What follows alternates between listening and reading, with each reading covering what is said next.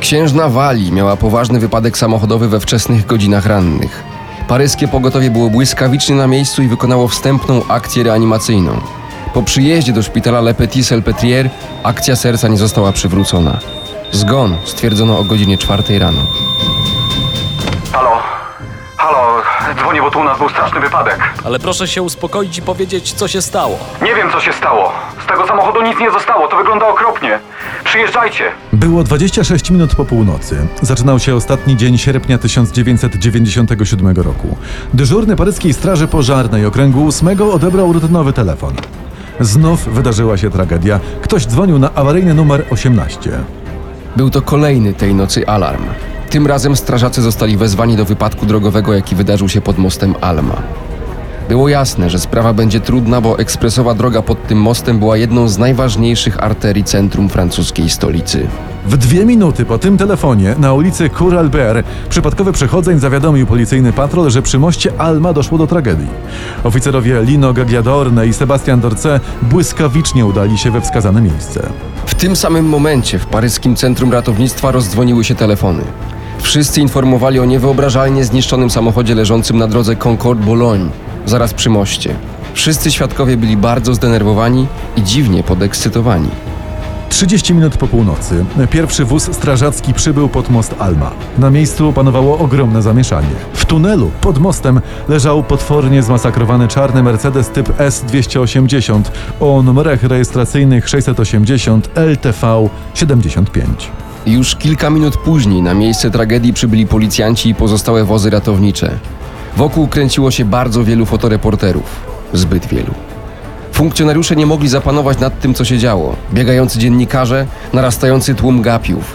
Pierwszy przy pasażerach pechowego Mercedesa znalazł się dr Frédéric Maillez. Znalazł się tam zupełnie przypadkowo. Chwilę po katastrofie przejeżdżał pod mostem Alma w przeciwnym kierunku niż czarna limuzyna.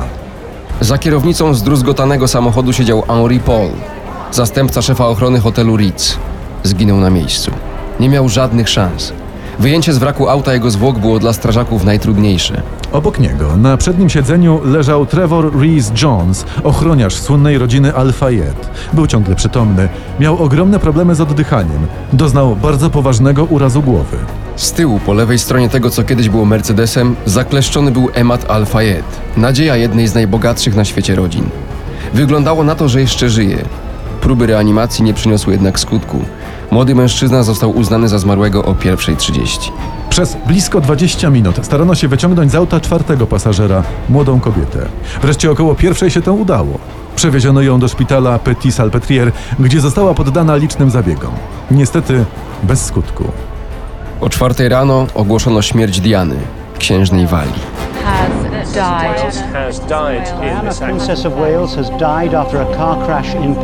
To był szok, rozpacz, to był dramat.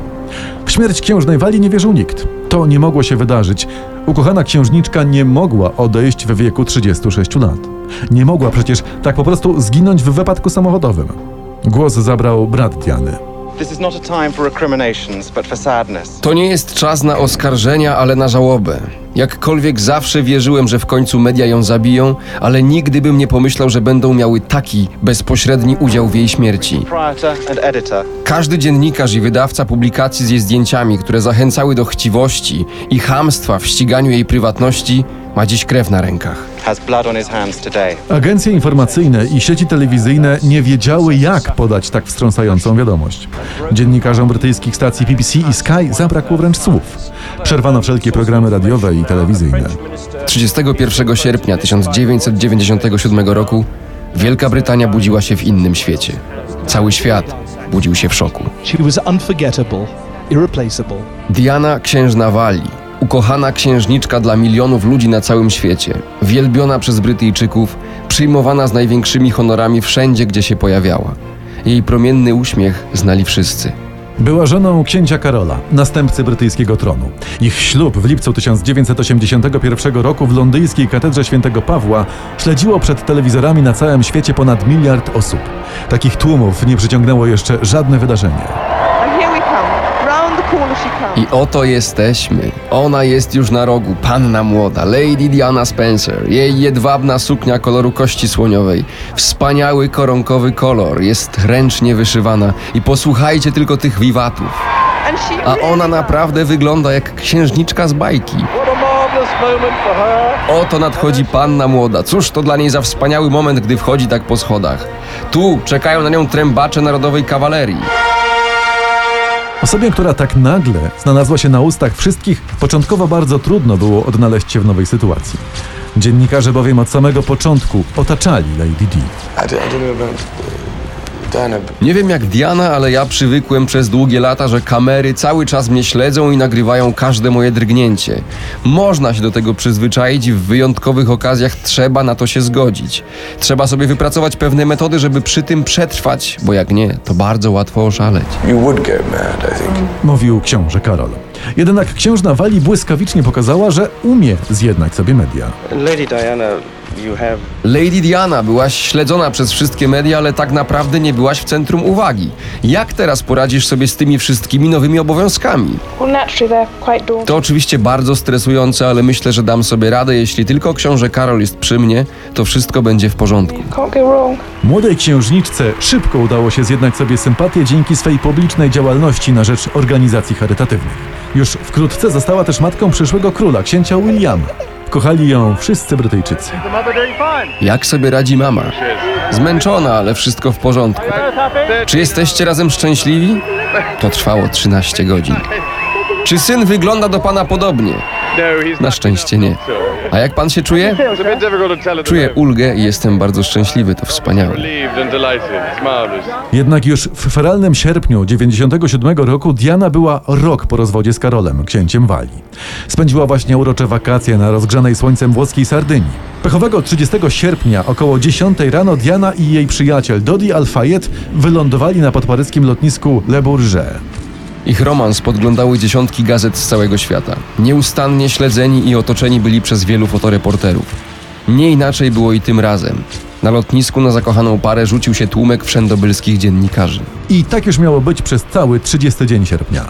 Tak już miało być aż do końca. Diana niestety nie poinformowała brytyjskiego konsulatu o swoim pobycie w Paryżu. Tym samym strzeżona była jedynie przez prywatnych ochroniarzy. Księżniczka i młody Al-Fayed wczesne popołudnie spędzili w rezydencji Windsor, nieopodal Lasku Bulońskiego. Swoje plany na wieczór musieli zmienić. W lokalu, do którego mieli się udać, już czekali na nich paparazzi. Około 21 odwołali rezerwację i postanowili spędzić wieczór w restauracji hotelu Ritz, którego właścicielem był ojciec Alfajeda. Na miejscu zjawili się kwadrans później. Wścibscy fotoreporterzy nie dawali jednak za wygraną. Dodi Al-Fayed był wyraźnie zdenerwowany. Zmiana planów dosyć zdezorientowała ochroniarzy. Kilka minut przed północą Diana i jej przyjaciel postanowili opuścić hotel. Aby zmylić czekających dziennikarzy, wypuszczono dwie puste limuzyny. Nie przyniosło to jednak żadnego skutku. 18 minut po północy zakochana para tylnym wyjściem przedostała się do zaparkowanego przy ulicy Cambron czarnego Mercedesa S280. Autem kierować miał Henri Paul, który właśnie przed chwilą dokończył kolejną lampkę wina Ricard. Ten młody mężczyzna znany był z tego, że lubił się popisywać. Przed wyjściem z hotelu zdążył jeszcze krzyknąć do otaczających budynek paparazzi. Ej, panowie! Nawet nie próbujcie nas ścigać! A nawet jak chcecie, i tak nas nigdy nie dogonicie! Rozpoczął się feralny wyścig, który miał trwać zaledwie 5 minut. Jadący z prędkością blisko 200 km na godzinę, prowadzony przez podpitego kierowcę Mercedes z nieprawdopodobnym impetem uderzył w betonowy filar pod mostem Alma.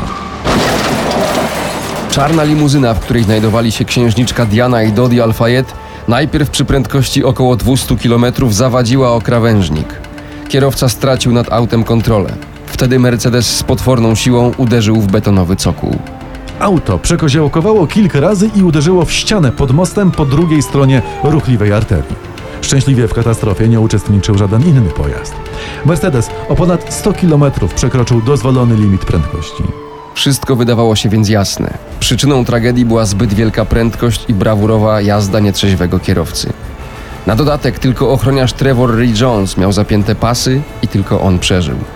Świadkowie twierdzą jednak, że pechowy Mercedes po prostu eksplodował. Czy doszło więc do zamachu? Już w kilka godzin po dramacie pod mostem Alma w Paryżu pojawiły się spekulacje co do tego, jak naprawdę zginęła księżna Diana. Świadków pierwsi wypytywali dziennikarze stacji TV5 i TV2. Zapamiętał pan jakieś szczegóły? Szczegóły? Pan chyba zwariował. Jeden potężny huk i tyle. Najpierw coś wybuchło, a potem to auto uderzyło w filary. Było wyraźnie słychać wybuch. Kilku innych świadków tragedii również przyznało, że w okolicy mostu Alma słyszeli najpierw wybuch, a dopiero potem huk zderzenia. Te wypowiedzi były emitowane od samego rana przez najważniejsze światowe media. Do tych głosów nie ustosunkowała się paryska prokuratura prowadząca śledztwo w sprawie katastrofy. Wątku tego w ogóle nie podjęły także brytyjskie władze. Oficjalne komunikaty nie dopuszczały nawet, że przyczyna tragedii mogła być inna niż nadmierna prędkość Mercedesa. Tymczasem wielu przechodniów podtrzymywało, że na kilka sekund przed wypadkiem w tunelu pod mostem Alma było widać bardzo jasne białe światło. Według francuskiej policji były to po prostu flesze ścigających Dianę paparazzi. Świadkowie są jednak przekonani, że widziane przez nich światło było o wiele, wiele bardziej rażące i silniejsze niż zwykłe fotograficzne flesze. Do dziś nie wiadomo jednak, co było źródłem owego tajemniczego blasku. Prywatni detektywi pracujący dla rodziny Al-Fayed twierdzili natomiast, że białe paraliżujące światło pochodziło ze specjalnych fleszy używanych przez służby specjalne do oślepiania. Ich zdaniem takie właśnie urządzenie uniemożliwiło kierowcy Diany prowadzenie samochodu. Tych rewelacji francuscy śledczy również nie komentowali. Oficjalna wersja wydarzeń pozostawała niewzruszona. Niemniej na światło dzienne zaczęły wychodzić kolejne dziwne fakty dotyczące śmierci księżnej Diany i Dodiego Alfayeda. Pogrzeb księżniczki odbył się 6 września w Londynie. Na całym świecie oglądało go około 2 miliardów ludzi. Na uroczystości żałobne przybyły dziesiątki głów państw, zaś ciało Diany spoczęło w jej rodzinnej posiadłości Altorp. I would like to end by thanking God for the small mercies He's shown us at this dreadful time. Chciałbym zakończyć dziękując Bogu za okazaną nam łaskę w tych straszliwych chwilach. Dziękuję za życie kobiety, która, co mówię z dumą, była moją siostrą. Wyjątkową, jedyną w sobie niezastąpioną, której piękno, to wewnętrzne, jak i zewnętrzne, nigdy nie wygaśnie w naszej pamięci. Will never be extinguished from our minds. There's a huge. Tu jest ogromnie dużo ludzi. Policja kieruje tłumami. Ale co najdziwniejsze, najwięcej przybyło kobiet. Młodych kobiet, dla których Diana była wzorem.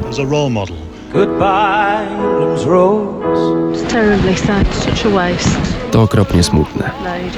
To była taka wspaniała księżniczka. Nic nie mogę powiedzieć, mam złamane serce. Niech Bóg cię błogosławi, Diano. God bless you, Diana. Jednak przed pochowaniem księżnej ani razu nie dokonano w Wielkiej Brytanii sekcji jej zwłok. Brytyjskie prawo nakazuje, aby zawsze w przypadku nagłej i tragicznej śmierci przeprowadzać szczegółowe badania zmarłego. Tym razem postąpiono inaczej. Nie wiadomo więc, co było prawdziwą przyczyną zgonu Lady Di. Nie wiadomo też, dlaczego odstąpiono od zwyczajowej procedury badania zwłok. Czyżby komuś zależało na ukryciu prawdziwej przyczyny zgonu popularnej księżniczki? Dlaczego przez kilka dni po tragedii media spekulowały na temat powodów wypadku, a władze zarówno w Londynie, jak i w Paryżu nie zdecydowały się na najprostsze rozwiązanie? Przecież sekcja zwłok wyjaśniłaby wszelkie niejasności i ucieszyłaby wszystkich dziennikarzy. Tak się jednak nie stało. Sprawa tragicznej śmierci Lady Di i jej przyjaciela pod paryskim mostem Alma do dziś budzi niepokój. Pomimo wielu tajemnic otaczających tę tragedię, olbrzymie niejasności dotyczą dwóch ochroniarzy, którzy jechali feralnym Mercedesem S280. Na miejscu w katastrofie zginął kierowca Henri Paul. Był on zastępcą szefa ochrony hotelu Ritz. Według wszelkich policyjnych doniesień prowadził auto po pijanemu. Dowodem na to miały być dwie lampki wina Ricard, wypite przez niego jeszcze w hotelowej restauracji. Sekcja zwłok kierowcy wykazała, że miał on we krwi 23 promila alkoholu. O wiele za dużo niż wynosi francuski limit. Jednak poziom alkoholu we krwi zawsze wzrasta u zmarłego bez względu na ilość spożytych trunków. Nie można więc z całą pewnością stwierdzić, czy Henri Paul rzeczywiście prowadził po pijanemu, co od początku podnosiły francuskie i brytyjskie władze. Młodego mężczyznę prokuratorzy od razu określili jako nałogowego alkoholika. Tymczasem zaledwie dwa dni wcześniej przeszedł on specjalistyczne badania medyczne. Wykazały one, że jego wątroba była w doskonałym stanie. Co więcej, sekcja zwłok również potwierdziła, że Henri Paul miał zdrową wątrobę. Jedyną osobą, która przeżyła feralny wypadek był ochroniarz Trevor Rhys Jones. W trzy tygodnie po tragedii stwierdził on, że Henri Paul nie był pijany i nie wykazywał żadnych oznak osłabienia. No jest pan jednym z nielicznych, którzy utrzymują, że kierowca był trzeźwy. Przecież wiem, co mówię. No, wszystko było w porządku. Henry nie był pijany. O alkoholizmie nie mogło być zatem mowy. Po co więc prowadzący dochodzenie starali się oczerniać kierowcę? Zmarły tragicznie mężczyzna nie mógł tych zarzutów odeprzeć. Publicznie dodawano także, że Henri Paul zażywał narkotyki. Tu także mijano się z prawdą. Sekcja zwłok nie wykazała śladów narkotyków. Pikanterii całemu zamieszaniu wokół kierowcy dodała jedna z paryskich gazet. Według Le Paris Match Henri Paul był uśpionym agentem działającym dla francuskiego i brytyjskiego wywiadu. Miały to potwierdzać olbrzymie sumy, które nie wiadomo skąd trafiały na jego konta. Te okoliczności do dziś pozostają niejasne. Jasnym natomiast jest fakt, że Londyn i Paryż wydawały w sprawie Henri'ego Pola sprzeczne i nieprawdziwe komunikaty. Drugim ochroniarzem jadącym w czarnej limuzynie był Trevor Lee Jones. Jako jedyny przeżył wypadek. Pewnym jest, że współpracował z brytyjskim wojskiem. Natomiast według brytyjskiej prasy był uśpionym agentem brytyjskiego wywiadu MI6. Miał on rzekomo informować Brytyjczyków o poczynaniach rodziny Al-Fayed, która od dawna pozostawała w konflikcie z angielską rodziną królewską. Dziwnym pozostaje fakt, że tylko Trevor Rhys-Jones miał w feralnym momencie zapięte pasy. Pojawiły się głosy sugerujące, że zbyt wielu osobom śmierć księżnej Diany była na rękę. W publicznych komentarzach zaczęto wymieniać MI6, wywiad brytyjski. Największą tajemnicą wokół śmierci księżnej Diany pozostaje 5 minut jazdy od hotelu Ritz pod most Alma. Od samego początku wszyscy przekonani byli, że czarny Mercedes jechał za szybko. Podawano prędkość około 200 km na godzinę. Takie liczby dały przeprowadzone wówczas badania kryminalistyczne. Potwierdzały więc one oficjalną wersję, że przyczyną katastrofy była nadmierna prędkość pojazdu. Jednak zupełnie co innego uzyskano podczas późniejszych testów. Sugerowały one, że Henri Paul prowadził maszynę z prędkością nie większą niż 110 km na godzinę. Dlaczego podawano więc, że przyczyną wypadku była olbrzymia prędkość i pijany kierowca, skoro fakty wskazywały coś innego? Od momentu rozwodu księżnej Diany, brytyjska rodzina królewska traktowała Lady Di bardzo oschle. Młoda kobieta nie mogła już używać tytułu jej królewska wysokość. Pałac Buckingham nie komentował więcej działań Diany. Jednak jej poczynania były dalej dokładnie śledzone. Księżniczka nadal była bowiem utożsamiana z rodziną królewską. Niepokój angielskich książąt budził fakt, że Diana zaczęła utrzymywać bliskie kontakty z niejakim Emadem Al-Fayedem, zwanym jako Dodi. Był on członkiem znanej na Wyspach Brytyjskich rodziny Al-Fayedów, która tradycyjnie już pozostawała z otoczeniem królowej w nie najlepszych stosunkach. Romans Diany i Dodiego był więc dla pałacu Buckingham bardzo nie na rękę. Największe kontrowersje wzbudzał fakt, że nowy przyjaciel księżnej był muzułmaninem. Według większości londyńskich brukowców, takich jak The Sun czy Daily Mirror, w takiej sytuacji Diana rozważała nawet zmianę swojego wyznania. Co więcej, dzienniki te donosiły, że jeśli sprawy zabrną tak daleko, bliski kontakt Diany z jej dziećmi na pewno sprawi, że na islam przejdą również jej synowie Harry i następca tronu William. Mimo, że w te rewelacje mało kto wierzył, rozmawiali o tym wszyscy. Takie pogłoski były dla królewskiej rodziny bardzo niewygodne. Nawet jeśli w doniesieniach była choćby odrobina prawdy, pozycja pałacu Buckingham była wyjątkowo mocno zagrożona. Należało za wszelką cenę zachować status quo. W takiej napiętej atmosferze media codziennie donosiły o kolejnej fazie romansu Diany i Dodiego Alfayeda. Zdjęcia zauroczonej sobą pary drukowały wszystkie gazety. Temat był bardzo gorący. Zanosiło się na olbrzymią sensację. Na tym tle bardzo dziwnie wygląda fakt, że obaj ochroniarze Diany i młodego Alfayeda pozostawali w kontakcie z brytyjskim wywiadem MI6. Czy rzeczywiście księżna była aż tak wielkim zagrożeniem dla brytyjskiej racji stanu, że należało ją ściśle kontrolować? Zbyt wiele okoliczności śmierci młodej damy pozostaje niejasne. Pewnym jest natomiast, że od momentu tragedii pałac Buckingham nie musiał się już obawiać żadnych kontrowersji wokół działań niepokornej księżniczki. Bardzo tajemniczym pozostaje jeszcze jeden fakt. Większość świadków twierdzi, że cały czas Mercedesowi, w którym jechała Diana, towarzyszył podejrzany biały Fiat Uno. Czy obecność tego samochodu przyczyniła się w jakiś sposób do tragedii? Wątku białego Fiata Uno nie zanegowała nawet francuska policja. Auto to było widziane przez zbyt wielu świadków. Co więcej, ślady białego lakieru odkryto na czarnej limuzynie, w której znajdowała się księżniczka Diana. Zdaniem ekspertów z całą pewnością doszło do kontaktu między oboma pojazdami. Nie udało się jednak ustalić, kto kierował owym białym Fiatem. Przyjmowano też wersję, że to właśnie zderzenie było przyczyną katastrofy.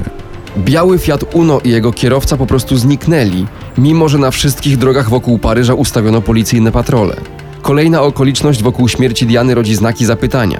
Czy francuskie i brytyjskie władze nie za wcześnie wydały w tej sprawie wyrok?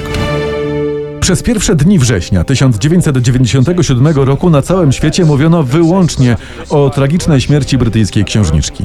Emocje wszystkich najlepiej wyraził brytyjski premier Tony Blair. She was a wonderful Ona była wspaniałą i ciepłą osobą. Jej całe życie było często znaczone tragediami.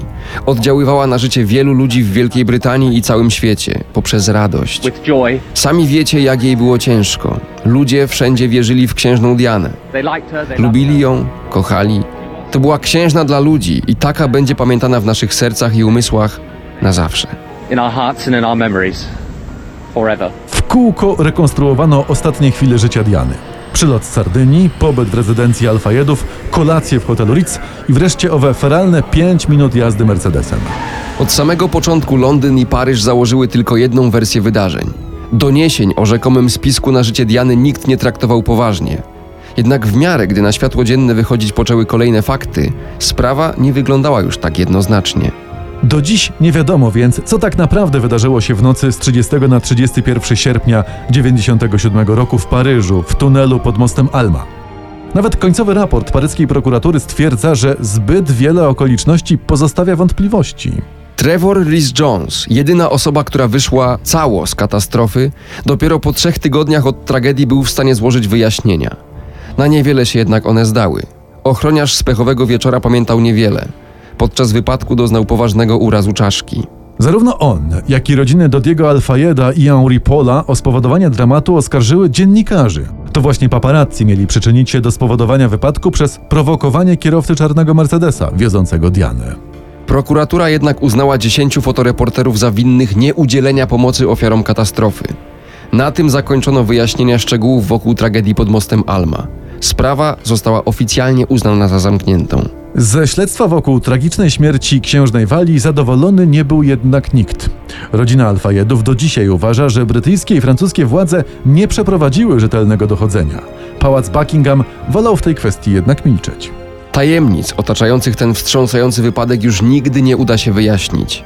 Wiadome jest tylko, że w bardzo podejrzanych okolicznościach zginęła ukochana brytyjska księżniczka, uwielbiana Lady Di. Róża Anglii odeszła na zawsze. O tragedii z sierpnia 97 roku do dziś pamięta cały świat. Tamte wydarzenia na zawsze już wryły się w serca Brytyjczyków bolesną raną. O księżnej Dianie wspomina się tam z największym szacunkiem i uznaniem. Ukochana księżniczka pozostawiła dwóch synów. Wówczas 15-letniego Williama, następcę tronu, i 13-letniego Harego. Od tamtej pory to na nich skupiła się cała uwaga mieszkańców Wysp Brytyjskich. Pogrzeb Diany oglądały miliony ludzi na całym świecie. Ostatni hołd księżnej złożyły setki tysięcy Londyńczyków. Wielka Brytania bowiem nigdy jeszcze nie była w takim szoku. Ból po stracie Lady Di był tym większy, że jej śmierć była bardzo tajemnicza. Rozpacz była tym dotkliwsza, że Dianie nie pozwolono żyć tak, jak ona sama tego chciała.